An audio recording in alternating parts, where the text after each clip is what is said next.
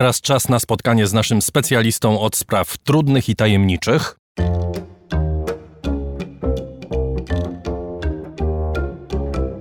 Rożek Urosiaka w raporcie.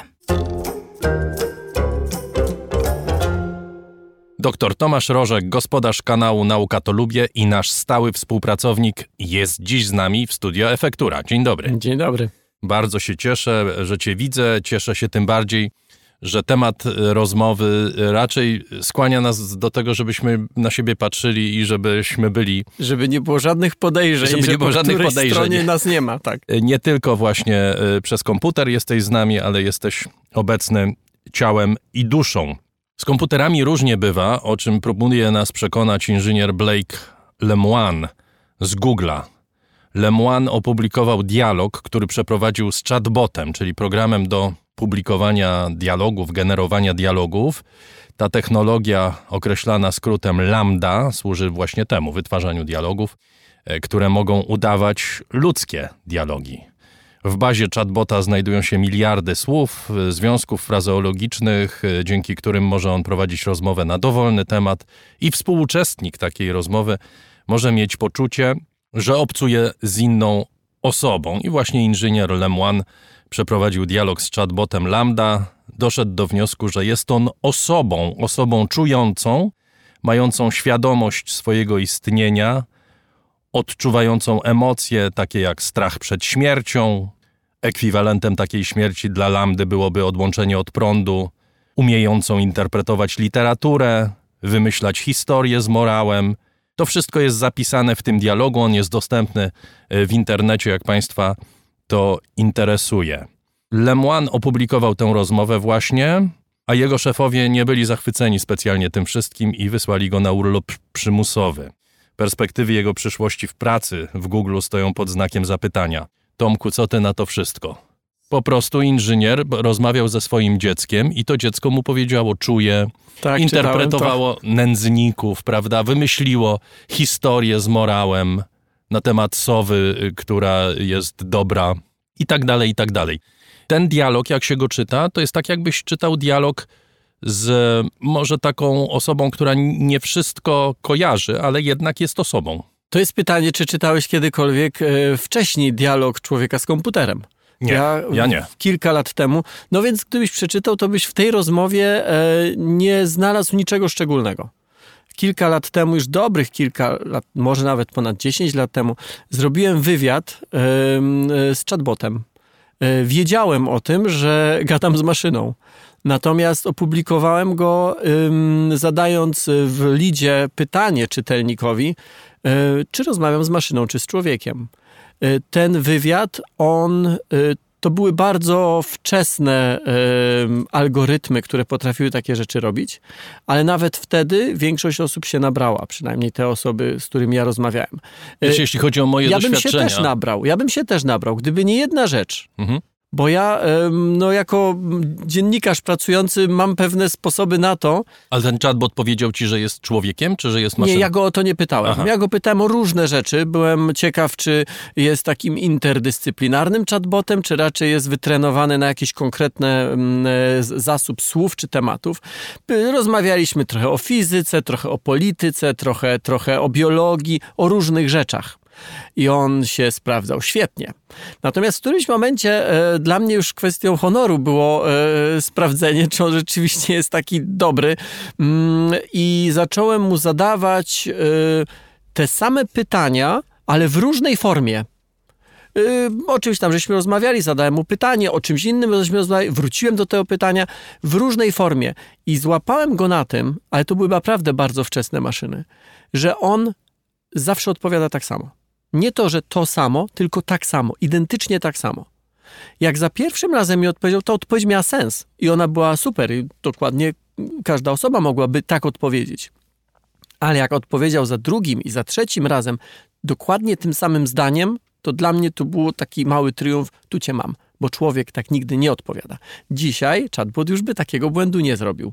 No dobrze, y, a jak to się dzieje w ogóle? To znaczy, o czym my rozmawiamy? Bo oczywiście Google i rzecznik Google'a się zdenerwował w momencie, kiedy inżynier. Lemoine y, powiedział, że chatbot ma uczucia i powinien być traktowany jak osoba. Rzecznik Google powiedział, że nie ma żadnych uczuć, że, że nie przejawia żadnych uczuć, nie ma na to żadnych dowodów. Problem w tym, że dla wielu ludzi, jak rzecznik Google mówi, że na coś nie ma dowodów, to to jest to, dowód. to, jest zdanie podejrzane. To znaczy, nie ma dowodów na to, że przejawia, ale nie ma też dowodów na to, że nie przejawia. No tak, ale jeżeli tak popatrzymy na rzeczywistość, to w zasadzie możemy wpaść w lekką paranoję. Tak, no bo nie da się udowodnić, że ja nie jestem istotą, która przybyła z planety Krypton. Na przykład, nie? Nie, nie da się Ale jeżeli ty twierdzisz, że jesteś taką osobą, to musisz to udowodnić, że jesteś, a nie ja, że nie jesteś, tak? Więc, więc to jest jakby podstawa, po- podstawowa zasada tak zwanej metody naukowej, że udowadnia się rzeczy, które są, a e, to, że czegoś nie udowodnimy, nie jest dowodem, że tego nie ma. To tak w największym skrócie. Natomiast o czym my mówimy? Mówimy o dość zaawansowanych programach, które, tak jak powiedziałeś we wstępie, mają ogromną bazę danych i słów, i kontekstów, i związków frazeologicznych. I one, ale one nie są zwykłym liczydłem, bo cofając się znowu lata wstecz, można by powiedzieć tak, no był taki komputer Deep Blue, który grał świetnie w szachy. I on ograł Gary Wygrał z Garym. Kasparowem, tak. I można by powiedzieć tak, no czy to oznacza, że on jest, int- no bo nie ulega wątpliwości, że jak ktoś jest arcymistrzem e, szachowym, no to jest super inteligentnym człowiekiem. Czy jeżeli komputer wygrał z tym super inteligentnym człowiekiem, czy to oznacza, że jest jeszcze bardziej inteligentny? Nie. Czy Deep Blue nawet nie był oparty o algorytmy takiej sztucznej inteligencji. To było bardzo sprawnie działające liczydło. Gdyby teraz tego Deep Blue posadzić przed grą inną niż szachy, byłby kompletnie bezradny. Po prostu był komputerem, który był ogromną bazą danych wszelkich możliwych, no nie wiem czy wszelkich możliwych, ale miliardów możliwych ruchów na szachownicy i bardzo szybko potrafił przeczesywać swoją bazę danych i znajdować najlepszy. I to było wszystko. Te algorytmy, o których my teraz mówimy, są sprytniejsze. Ten być może, z którym ja rozmawiałem, taki sprytny jeszcze do końca nie był. Te dzisiaj są już naprawdę sprytne. Nawet nie mamy, myślę, świadomości, jak często my z takim chatbotem rozmawiamy. I nie mamy w ogóle wrażenia, że rozmawiamy z maszyną. A jeżeli mamy, to ja znaczy, tylko że z jednym chatbotem rozmawiam, powiem o tej, jak się dzwoni do jednej z sieci usług telekomunikacyjnych, to włącza się taka pani, która mówi, nie jestem człowiekiem, zadaj mi pytanie. Okej. I ja jej wtedy zadaję pytanie, proszę o połączenie z doradcą czy z konsultantem, Mhm. na co ona mówi, daj mi szansę, bardzo bym chciała ci pomóc. Okej. I tak dalej, i tak dalej. Nie, tutaj problem polega na tym, że wchodzimy w sferę języka, prawda? I to nam się wydaje bardzo ludzkie, to znaczy taki I to jest słowo klucz, to ludzkie. Przepraszam, że ci przerwałem, Mhm. ale chciałem to powiedzieć. To, to jest najważniejsze w całej tej naszej rozmowie słowo, że to jest ludzkie i my się w tym gubimy. Bo czym innym jest gra w szachy, rozumiesz, Tak. czy w go, czy cokolwiek. Natomiast jeżeli ten chatbot zaczyna ci opowiadać o swoich uczuciach, rzecznik y, Google'a twierdzi, że jakikolwiek temat byśmy mu nie zarzucili. On podaje przykład, jeżeli byśmy powiedzieli mu, żeby porozmawiał z nami i opowiedział nam o lodach w kształcie dinozaurów, to on będzie opowiadał o topnieniu i będzie ryczał. Bo to ma w swojej bazie i te elementy wyciągnie po to, żeby opowiedzieć o lodach w kształcie dinozaurów. Tak, co więcej, w tym dialogu, który jest opublikowany, są nawet takie fragmenty, w których sam chatbot mówi, że owszem, ja udaję, bo tam ktoś g- w pewnym momencie pada pytanie, no. y, y, Podajesz jakiś przykład jakiegoś doświadczenia z przeszłości, ale przecież ty nie miałeś tego doświadczenia w przeszłości. A wtedy chatbot odpowiada, tak, nie miałem. Ja udaję po to, żeby być bardziej ludzkim. E, dotykamy, myślę, bardzo, bardzo głębokich warstw w naszym mózgu i czegoś, co się nazywa neuronami lustrzanymi. I pozwól, że zadam ci pytanie. Ja, jeżeli chodzi o mnie, no to ja znam odpowiedź na to pytanie. Ciekaw jestem, jak jest u ciebie. Jak oglądasz film? I w pewnym momencie, jest taki film na przykład z Leonardo DiCaprio, który jest agentem CIA, no nieważne, oglądasz film i w pewnym momencie jest taka scena, że ci źli ludzie biorą tego dobrego, kładą mu rękę yy, na blat i zaczynają mu walić centralnie młotkiem po palcu.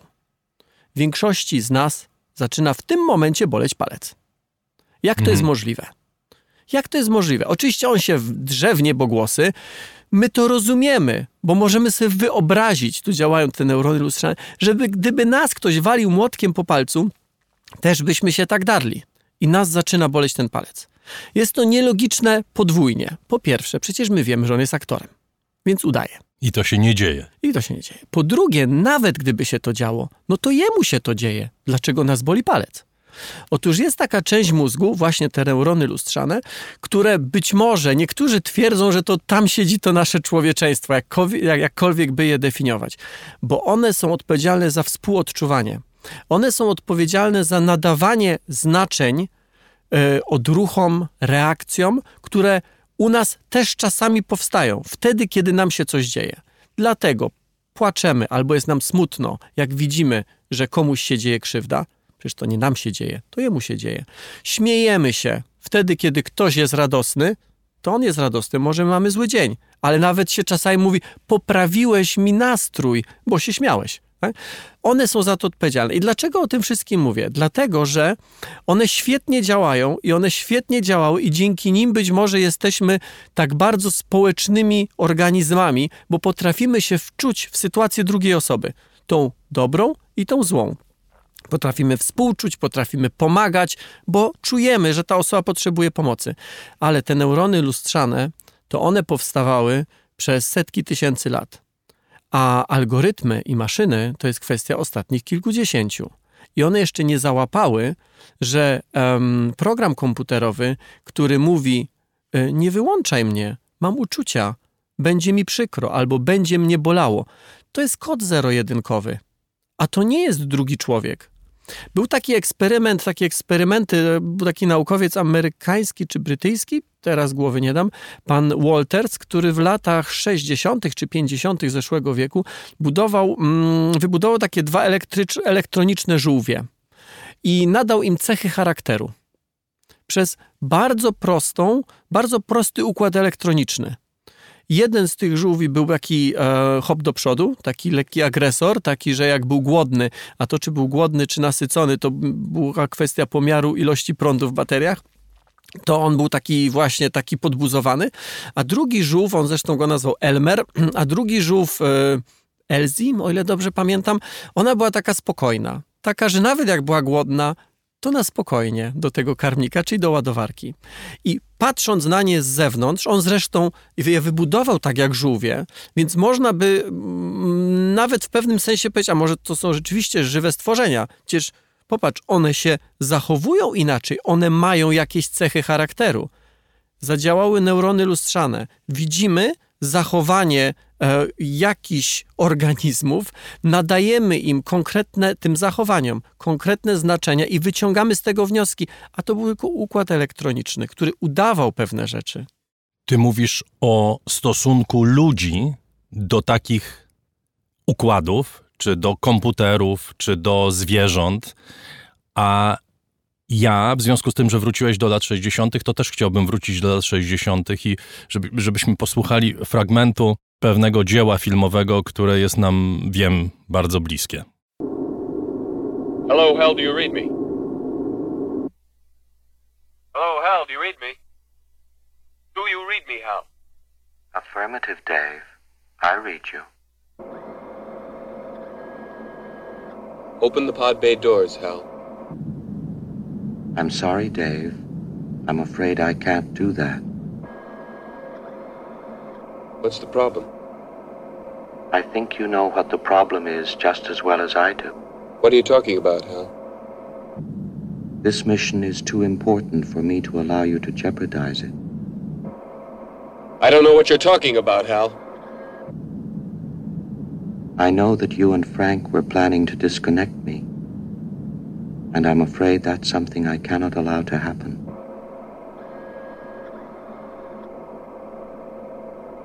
Where the hell did you get that idea, Hal? Dave, although you took very thorough precautions in the pod against my hearing you, I could see your lips move.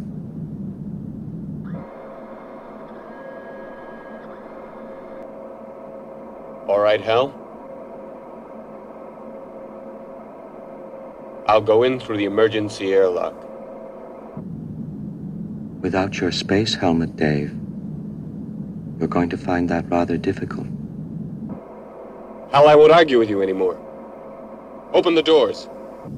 Dave, this conversation can serve no purpose anymore. Goodbye. Hal nie chciał się odłączyć, podobnie jak chatbot y, inżyniera Lemuana wiedział, że to jest jego śmierć. Mało tego, my oglądając ten film już 50 lat później, prawda? W dalszym ciągu on się wydaje nieprawdopodobnie mroczny. To napięcie ciągle funkcjonuje. Nawet na tej ścieżce e, dźwiękowej to słychać, a na filmie jeszcze bardziej to widać. To jest genialny film. Oczywiście Odyseja Kosmiczna 2001. My ciągle gdzieś, wracając do tego, o czym mówiłeś przed y, puszczeniem tego klipu, zjawiska znanego nadawania ludzkich cech przedmiotom czy zwierzętom, na przykład. Drzewom. Wiem, drzewom.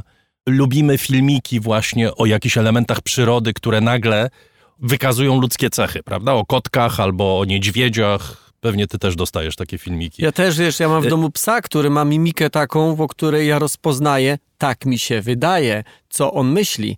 A tak? dlaczego mi się tak wydaje? Ponieważ gdyby tak zmarszczył brwi człowiek, albo gdybym ja tak zmarszczył brwi, znaczyłoby to, że dzieje mi się na przykład krzywda, albo że mi jest wesoło, albo że jestem znudzony. Patrzę na psa i mówię, o, on jest znudzony, ale z drugiej strony, skąd ja mam wiedzieć?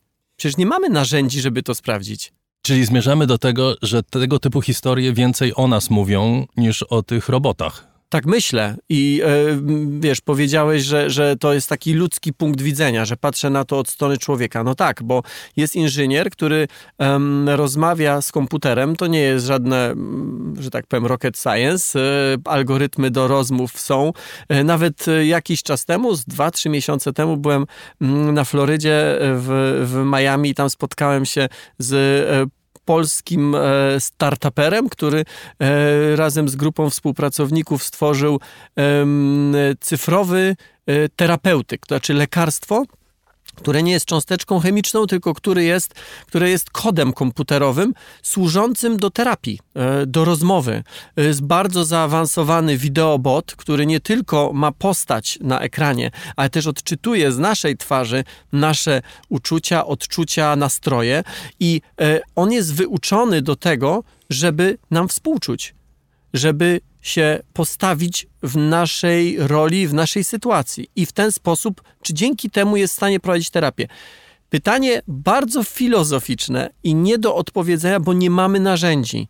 Tak samo jak z psem, tak samo z algorytmem, czy on rzeczywiście coś czuje, czy on rzeczywiście coś widzi, czy on coś rozumie. Znaczy w przypadku psa to chyba mamy narzędzia, żeby mniej więcej określić na jakim poziomie on czuje, czy jakiejkolwiek mm, innej, Wiesz co, nie, no zwierzęcia. E, prawda? Mamy możliwość sprawdzenia, czy go coś boli, czy nie, ale nie mamy możliwości zajrzenia do jego e, procesów myślowych tak. i stwierdzenia, czy to marszczenie brwi to jest nuda na przykład. My nieco frywolnie rozmawiamy na ten temat i trudno sobie wyobrazić, żeby historia Hala przytrafiła nam się w życiu. A ja mogę sobie wyobrazić z łatwością. Możesz, możesz tak, sobie to i to wyobrazić. nawet dzisiaj to jest kwestia złego zaprogramowania urządzenia. No tak. Jeżeli tak. zaprogramujesz algorytm na przykład, żeby dbał o twoje zdrowie i e, on e, będzie zainstalowany powiedzmy w telefonie komórkowym, którym płacisz w sklepie, on może podjąć decyzję, jeżeli tylko tak go zaprogramujesz. Dbaj o moje zdrowie, że nie pozwoli ci kupić na przykład kawałka tłustego steku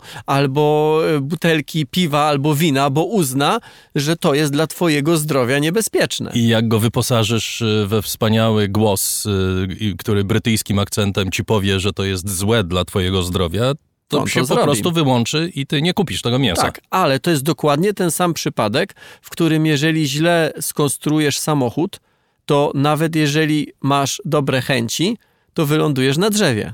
Zmierzam do tego, że ten rynek powinien zostać uregulowany, prawda? To znaczy, to nie może być tak, że my działamy y, kompletnie w takim chaosie regulacyjnym, że każdy może robić co chce w tej dziedzinie, że każdy algorytm możemy stworzyć i te algorytmy mogą działać tak, jak je zaprogramuje inżynier Lemoine który zresztą kierowany jest swoimi uczuciami religijnymi. On do tego się przyznał, że na koniec, że tak naprawdę to wszystko wynika z tego, że on ma poczucie, że krzywdzi, czy że krzywdziłby tego chatbota, gdyby y, o tym nie powiedział, że on ma uczucia. Nie wiem, czy chatbot ma uczucia, bo wracam do tego, że nie mamy narzędzi, no nie żeby to, to znaczy, sprawdzić. Znaczy, jeżeli trzymamy się tego, co mówią twórcy tych algorytmów, mhm to nie ma. Ale oni też nie mają tych narzędzi. Oni oczywiście uczą chatboty różnych rzeczy, ale oni nie mają narzędzi, żeby sprawdzić, czy e, za tym jest coś więcej, bo tu znowu wchodzimy na taki poziom troszeczkę meta. E, można bez problemu e, stworzyć sztuczny, czy powiedzmy, nie wiem, taki elektroniczną kopię jednego neuronu z ludzkiego mózgu. I jak zaczniemy porównywać tą kopię, czy, czy, czy, czy mm, tą syntetyczną wersję. Z wersją biologiczną, to nie zauważymy różnic w działaniu. Nawet można zrobić tak, że stworzymy 10, tak, taki pęczek 10, tył i tył, i też nie będziemy widzieli różnicy, ale wraz ze wzrostem skali w tych biologicznych układach pojawia się coś dodatkowego, czego nie da się skopiować na razie w, i być może nawet nie powinniśmy w tych elektronicznych. Może jest tak, że te wszystkie uczucia wyższe, takie jak samoświadomość, e, e, jak no właśnie uczucia, jak, że one się pojawiają że one się pojawiają same wraz ze wzrostem skali. Jeżeli tak jest, to osobiście uważam, że to jest bardzo zła wiadomość dla nas, bo to oznacza, że samoświadomość nie jest cechą, którą będzie można włączyć i wyłączyć, tylko jest czymś, co się pojawi samo i możemy ten moment przegapić. Czyli, Ale czy my mówiąc, jesteśmy tutaj, czy nie, to nie mamy do tego narzędzi Czyli, jeszcze. krótko mówiąc, chatboty mogą nauczyć się empatii. Czy możemy stworzyć algorytmy, które sprowokują sytuację, w której chatboty będą miały uczucia. Tak jak HAL w Odysei Kosmicznej. Yy, bo powiedziałeś dwie rzeczy. Czy mogą się nauczyć empatii, czy, czy mają uczucia? Bo to są dwie różne rzeczy. Na to pierwsze oczywiście, Wszyscy że możemy się uczymy tak empatii. Nauczyć. Wszyscy, niektórzy z nas się słabo Całe uczą. Życie. E, owszem, możemy stworzyć algorytmy, które się nauczą empatii. Możemy, takie algorytmy pewnie już są i nie wydaje mi się, że to było bardzo skomplikowane. Prostym układem elektronicznym jesteśmy w stanie nadawać cechy charakteru różnym urządzeniom. E, no, ale Natomiast... czym innym jest cecha charakteru, nie wiem, w postaci koloru oczu, a czym innym jest tak skomplikowana konstrukcja jak e, no choćby empatia, prawda? Nie czy, wiem, czy nie wiem, skłonność do agresji albo mniejsza skłonność do agresji. Wiesz, no firmy, duże firmy technologiczne, e, taką firmą był chociażby IBM, e, no przechodziły taki okres w swoim rozwoju nie tak dawno, że próbowały mm, chatboty, próbowały stworzyć chatboty, które funkcjonowały na przykład w mediach społecznościowych i na bieżąco ogarniały dyskusje i tak dalej tak szybko jak one zostały stworzone, tak szybko zostały z tych mediów zdjęte, dlatego że one zaczynały być agresywne. E, czy to była agresja przemyślana przez chatbota, czy to po prostu był jakiś błąd w oprogramowaniu, przez który one się szybciej uczyły agresywnych zachowań niż tych nieagresywnych, to wydaje mi się, że to jest tajemnicą firmy i tego się nie dowiemy. Natomiast nie wydaje mi się, żeby empatia była jakąś specjalnie trudną do skopiowania e, cechą czy trudną zachowaniem. Do, do zapisania w algorytmach, tak? Wydaje mi się, że to nie jest, bo to wiesz, no to się nie zapisuje w algorytmach, tak jak w normalnych programach komputerowych, gdzie linijka po linijce cały program pisał, e, czy programista pisał, jak program ma się zachowywać. Mówimy o algorytmach, w których to wszystko nie jest napisane. Algorytm jest nauczony, żeby podejmować pewne decyzje na podstawie danych, które dostaje. Mamy już od dawna urządzenia, które potrafią bardzo dobrze rozpoznawać uczucia czy e, emocje na twarzach ludzi. Jeżeli teraz e, zechcemy, żeby przy konkretnych e, właśnie tych wyrazach twarzy, algorytm się zachowywał, bądź mówił to albo tamto, to po prostu to zrobimy. Jakiś czas temu widziałem taki algorytm, miałem wykład na konferencji dotyczącej e, sztucznej inteligencji i tam przede mną był twórca algorytmu w ogóle rewelacyjnego. Znaczy powiem zupełnie szczerze, jak on pokazywał e, przykłady działania tego algorytmu, to ja siedząc na widowni się popłakałem ze wzruszenia, bo to był algorytm przeznaczony dla osób niewidomych algorytm, który instaluje się, aplikacja, prosta aplikacja, którą instaluje się na telefonie komórkowym. Telefon komórkowy kamerą do przodu osoba niewidoma sobie wieszała na klatce piersiowej i rozmawiając z drugim człowiekiem, ten algorytm odczytywał uczucia na twarzy tego drugiego człowieka i zamieniał je na dźwięk. Mhm. Więc y, głośniczkiem czy słuchawką osoba niewidoma miała w uchu po prostu y, no, słuchawkę i słyszała No właśnie, co słyszała? Słyszała reakcję. Słyszała to, że na przykład rozmówca jest smutny, jest wzruszony, jest szczęśliwy. I on tam pokazywał taki przykład ojca. Ale to było zapisane w, przez muzykę? Ten, Y, ten... Dźwięk, konkretny dźwięk i to się trzeba było nauczyć, że Aha. taki dźwięk to jest na przykład wz- Smutek, wzruszenie tak. albo smutek. I na tej konferencji był pokazywany przykład takiego dialogu niewidomego ojca ze swoim synem. Ten syn był słyszący, widzący, całkowicie sprawny. I ten ojciec mówi do tego syna, to był wczesny nastolatek. E, Tato się nim sam opiekował. Tam ma, ma, mamy jakby nie, nie było, nie wiem, być, być może nie żyła. I ten ojciec mówi: Martwię się o ciebie, synu, bo ty wchodzisz w wiek dojrzewania. To jest wymagający wiek, a ja nie wiem, czy ja jako osoba nie w pełni sprawna podołam. I ten syn odpowiada: Nie martw się, tato. Razem sobie poradzimy. I ojciec słyszy na słuchawce, że ten syn jest uśmiechnięty, Mhm. że on się nie martwi, że wszystko będzie w porządku. Ale to Tomku, zaczęliśmy y, od robienia sobie dowcipów z inżyniera Lemoina, a może on ma rację? Nie wiem, jak to sprawdzić. Myślę, że nie mamy do tego y, narzędzi, żeby to sprawdzić. jeszcze, jeszcze narzędzi nie mamy. Być może kiedyś będziemy mieli. To nie jest problem tylko tego, że nie mamy narzędzi przy badaniu algorytmów. My nie mamy tych narzędzi też przy badaniu zwierząt. Natomiast y, wszystko y, sprowadzamy do własnych doświadczeń, a nasze doświadczenia to jest tylko część rzeczywistości.